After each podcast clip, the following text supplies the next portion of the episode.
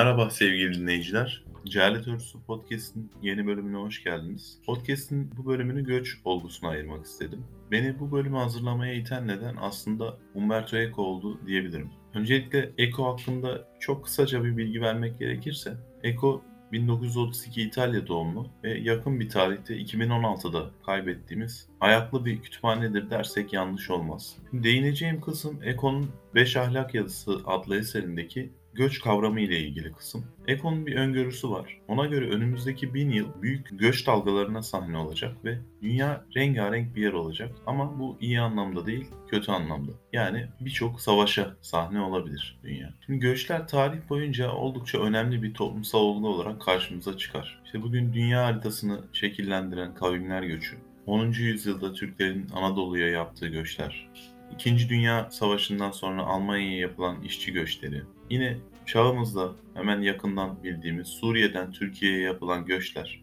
örnek verebileceğimiz göçlerden bazıları. Şimdi ben baştan şu görüşümü belirtmek istiyorum ve aslında temelde irdelemeye çalışacağım şey de bu görüş üzerine olacak. Bana kalırsa insan doğal durumunda göç etmek istemez. Yani bir şeyin bizi zorlaması gerekir. Mesela bir aslan sürüsünü düşünelim. Bunlar toplu halde bir yere gitseler, toplu halde bir yere göç etseler, bunun kesinlikle bir şeyin zorlamasıyla olduğunu biliriz. Mesela işte göçmen kuşlara bakalım. Ee, onların göç etme nedeni tamamen beslenmek amaçlıdır. İşte tek tek insanlara bakalım. Şimdi bir kişi kendi isteğiyle taşınıyorsa bu başka bir isteğin zorlamasıyla olur. Kiradaysa ödeyemez durumdadır. Ya da işte parası varsa daha iyi bir ev istiyordur. Bugün mesela Hindistan'dan Amerika'ya veya başka ülkelere veya ülkeden bizim ülkemizden farklı ülkelere giden e, göçlere bakalım. Bunlara beyin göçü deniyor. Gidenlerin çoğu mühendis. E, bu insanlar daha iyi para kazanmak için ülkelerini değiştiriyorlar. Bu aslında bir anlamda insanın kendiyle bir savaşı. Şimdi insanın doğa durumunda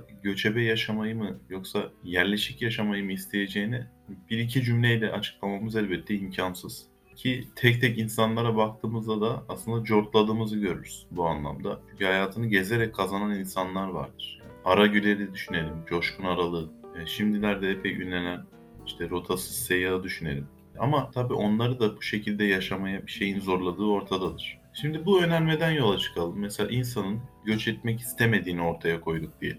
Ama insan göç etmek istemiyorsa öyle veya böyle tarihte bugüne kadar yapılan göçler neden var? Ve bundan sonra da neden hep olacak? Belki de yarın gerçekten dünya ekonomi dediği gibi bir yer olacak. Ve bu olumsuz durum için insanlık bir önlem alıyor mu? Önlem alıyorsa da önleyebilecek mi bunu? Şimdi böyle bir tehlikenin yani bu göç dalgalarının olup olmayacağıyla ilgili tehlikenin e, olmayacağını düşünsek bile olabileceği ihtimali her daim vardır olabilecekse ve buna engel olunmuyorsa ve geçmişte de aslında engel olunamamışsa bu insan zihninin o denli çözülebilecek bir şey olmadığını bana kalırsa biraz kanıtlar. Şimdi devletlerin zihinleri de bunlardan aslında farklı değildir. İşte her ülkenin belli bir tarihi, belli kültürü, belli bir siyasi duruşu, belli stratejileri yani kendi koruduğu stratejileri olabilir. Şimdi mesela tam olarak hatırlayamadığım bir eserde Platon e, Yunanlıların, Atinalıların doğalarının entelektüellikle, bilgelikle dolu olduğunu söyler. Mesela İskitlerin savaşçı doğalarının olduğunu vurgular. Şimdi bugün İngilizlere bakalım, Britanyalılara bakalım aslında genel olarak. Onların düşüncelerinin dünyada egemen olan düşünce sistemleri olduğunu görürüz. Yani etik anlamında faydacılığın egemen olduğunu görürüz. İşte kapitalizmin, ekonomik sistem anlamında kapitalizmin egemen olduğunu görürüz. Yine düşünce sistemi olan materyalizm yine İngilizlerin ürünüdür. Ve bu aslında onların dünyaya yön verme gücünü de ortaya koymuş olur. İşte İspanyollar, Portekizliler sömürge devletler olarak bilinir. Mesela Ruslar için işte hep bir panislavizm politikasından bahsedilir. Ee, şu anda eğitimde en iyi ülkeler İskandinav ülkeleridir. Ama bana kalırsa bu bilgilerin hiçbiri önümüzdeki bin yılı anlatmaz. Bu ülkelerin kendi siyasi duruşları ne olursa olsun yaşanacak şeyler değişebilir. Geçtiğimiz bin yıla bakalım mesela. Yani hangi düşünür dünyada son bin yılda olacakları tahmin edebilirdi? İşte Osmanlı Devleti'nin yükselişi, Amerika kıtasının keşfi, aydınlanma dönemi, sanayi devrimi, Fransız ihtilali, dünya savaşları. Bunlara da baktığımızda aslında görüyoruz ki engel olmama değil de sanki engel olamama var. Bunun bence hani kısa olarak tanımlayacaksam nedeni e, toplumların da insanlar gibi dinamik bir yapı sergilemesi. Şimdi Eko'ya dönecek olursak yine göç kavramını açıyor elbette Eko ve bu göçü aslında ikiye ayırıyor. Dışarıdan göç ve göç olarak. Dışarıdan göç örneğin 2. Dünya Savaşı'ndan sonra Türklerin Almanya'ya yaptığı işçi göçü. Hatta bu örneği Eko da veriyor.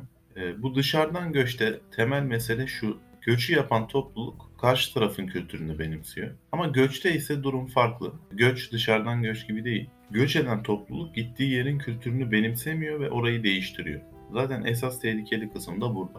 Ve burada aslında aklımıza tabii göç olgusunu düşündüğümüzde hoşgörü kavramı ve hoşgörüsüzlük bir yandan da karşımıza çıkar. Şimdi eko hoşgörüsüzlüğün türlerini ortaya koyuyor. Üçe ayırıyor. İşte temelcilik, birleştirmecilik ve Hitler'in sözde bilimsel ırkçılığı olarak ayırıyor. Çünkü Hitler e, biliyoruz ki zaten onun Kavgam adlı eserinde de bunu görüyoruz. Yahudi düşmanlığını bilimsel bir temele oturtmak istiyor.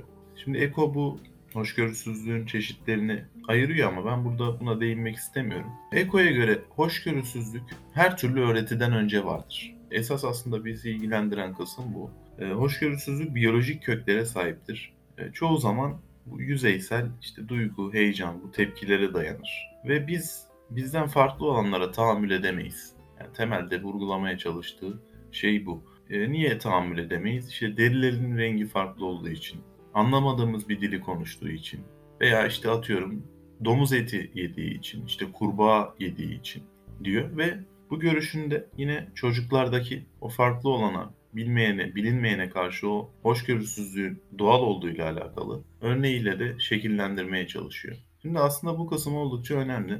Ben burada bu meseleye felsefi antropoloji açısından bakmak istiyorum. Çünkü diğer taraflarda zaten açıklamalar belli.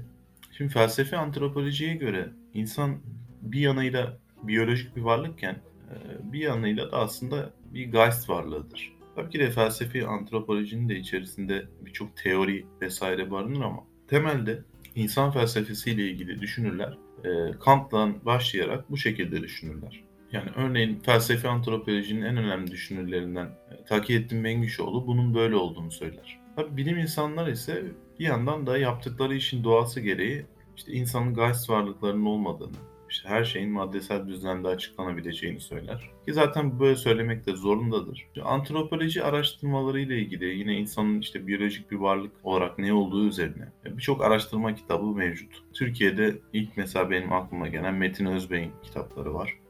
Yine yabancı isimlerden Jared Diamond, Levi Strauss, Harari gibi önemli araştırmacılar var. Öncelikle bu mesele üzerinde antropolojinin veya hatta arkeolojinin araştırmaları ve fikirleri olacaksa da bana kalırsa kesin bir yanıtı olamaz. Şimdi örneğin mesela Harari Hayvanlardan Tanrılara Sapiens adlı o sükse yapan kitabında bir araştırmadan bahseder. Tarım öncesi dönemden kalma iskeletler üzerinde yapılan bir araştırmada belirli bölgelerdeki iskeletlerin ne kadarında şiddet izine rastlandığı ile ilgili bir araştırma bu. Tabi bu araştırmaya göre şiddet oranı oldukça yüksek çıkmış. Bazı bölgelerde tabi her bölgede değil. Şimdi toplu iskeletler üzerinden yapılan araştırmada bu insanlar şiddetle mi öldürülmüş? Şiddetle öldürülmüşse ne kadarı şiddetle öldürülmüş? E, şiddeti uygulayan insan mıymış? Bu şiddetin sebebi neymiş? Bunların hepsi araştırılıp bulunabilir. Fakat e, bunun sorunu çözmesi pek mümkün değil. Çünkü iki grup ya da iki insan arasındaki şiddette kimin esasında haklı olduğuna kadar gidecektir o iş. Bu da bize bu sefer hak nedir sorusunu karşımıza çıkacaktır. E, bu soru ise sadece aslında felsefi bir soru olabilir. Zaten dallarını ayıracak olursak işte hukuk felsefesi, siyaset felsefesi, ahlak felsefesi ya da din felsefesi sorusu olabilir. Bu hak nedir sorusu. İnsanlık tarihi savaşlarla doludur. Şimdi tarih kitaplarına baktığımızda ve hatta insanların kendi aralarındaki konuştuklarına baktığımızda hep komutanların övüldüğünü görürüz. Örneğin dönemin bilim insanları, düşünce insanları, sanatçıları o kadar da konuşulmaz. Şimdi bir derste tarih hocama şunu sormuştum. İşte hep anlatılır. İstanbul'un fethinden sonra dönemin bilim insanları 2. Mehmet tarafından kalmaları istense de İtalya'ya gitmişler ve bu sayede Rönesans başlamış. E, bu çok temel bir bilgi olarak okul hayatımız boyunca karşımızda durur. O giden bilim ve sanat insanlarının kim olduğunu sorduğumda herhangi bir cevap alamadım. Ama dönemin komutanlarını sorduğumuzda bütün tarih hocaları bunun yanıtını hiç düşünmeden verecektir. Bu bana kalırsa herhangi biri için bu durum sadece bilgi eksikliğinden kaynaklanmıyor. Yani burada bir eğilim meselesi de var gibi. Yani insanın eğilimleri sanki hayatta kalma güdüsüne, var olma savaşına göre işliyor. Bunu zaten psikolojiciler, antropologlar, birçok filozof da bu şekilde açıklıyor. Yani en temel dürtü hayatta kalma, var olma mücadelesi. Temel odak noktasının komutanlar olması bana kalırsa ülke için somut bir şey yaptıkları inancından kaynaklanıyor. Yani bilim ve sanat insanları veya düşünce insanları sanki sadece dünyayı kendi kendilerine anlamlandırmaya çalışıyormuş gibi düşünülür. İşin aslı tam aksine dünya yönetilecekse düşünceler tarafından yönetilir. Güçlü komutanlar, güçlü liderler tarafından değil. E, Çünkü onların da aslında tırnak içinde düşünmeleri vardır. Şimdi bu bakış açısı aslında pandemide de ortaya çıktı. Pandemide pandemide bizi kurtaran şey bilimler oldu. Bu doğru. Ama öncesi savaşlara, silahlara harcanacak paraların bunlar öngörülüp bunlara harcanması, bunlara aktarılması gerekmiyor muydu? Peki bunun hangisinin doğru olduğunu kim söyleyecek ya da ne söyleyecek? İnsan doğa durumunda hoşgörülü müdür, değil midir? Bir yabancı gördüğümüzde ilk başta olumsuz mu bakarız? Bu sorular uzar gider. Ama kesin olarak bildiğimiz bir şey var ki o da şu. Hoşgörü iyi bir şeydir. Yani buna insan yaratımlarının ya da işte vahiylerin herhangi birisi karşı çıkmaz. Ve bunu insan kendisi bulmuştur. İnsan özgürlüğü sayesinde hoşgörülü olmasa bile hoşgörülü davranabilir. Şimdi Eko'ya yine dönecek olursak işte bu hoşgörüsüzlük göç olgusunda en büyük sorundur Eko'ya göre. Ve şunu söylüyor, entelektüeller hoşgörüsüzlükle savaşamazlar. Çünkü düşünceden yoksun hayvanilik karşısında düşünce silahsız kalır. Ama öğretisel hoşgörüsüzlükle savaşıldığında da artık geç kalınmıştır. Yani artık öğreti haline gelmişse onunla savaşılamaz. Bununla ilk savaşanlar da onun kurbanı haline gelirler. Ve işte ona göre de aslında zaten meydan okuma burada yatar. Yetişkinlere bunun öğretilmesi imkansız çünkü artık bir öğreti haline gelmiş.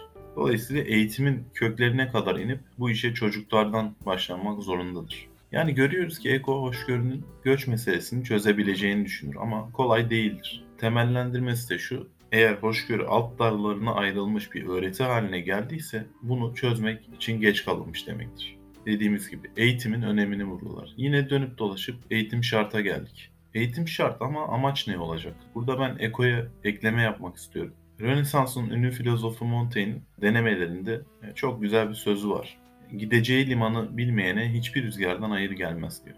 Şimdi ülkede hoşgörüyü eğitim yoluyla daha başından beri veriyorsak bile bunu hangi amaçla yapıyoruz bu da önemli. Hangi liman için yapıyoruz? Hoşgörüyü, hoşgörünün iyi bir şey olmasından dolayı ve hoşgörünün kendisi için çocuklara öğretirsek bu doğrudur. Yani insanların neden göçe zorlandığının nedeninin her daim aslında savaşlar olduğunu görüyoruz. Ya insanın diğeriyle savaşı ya da kendi içindeki savaş. Savaşta Herakleitosçu karşıtlıklar öğretisinden yola çıkarsak karşısına barışı alır. Sanki amacımız yani gideceğimiz liman her daim insanı kanlı savaşlardan korumak olmalı. Yani gideceğimiz liman barış limanı olmalı gibi. Platon daha sonradan değişiklikler yaptığı ideal devletini kurarken şunu söylüyordu. Kurduğumuz devletin kusursuz bir şekilde işlemesini ya da kurulmasını beklememiz mümkün değildir. Ama bu kurduğumuz devletin değerinden hiçbir şey düşünmez. Yani topyekün barışın imkansız olduğunu düşünsek bile ona ne kadar yaklaşırsak o kadar iyidir. Beni dinlediğiniz için teşekkür ederim.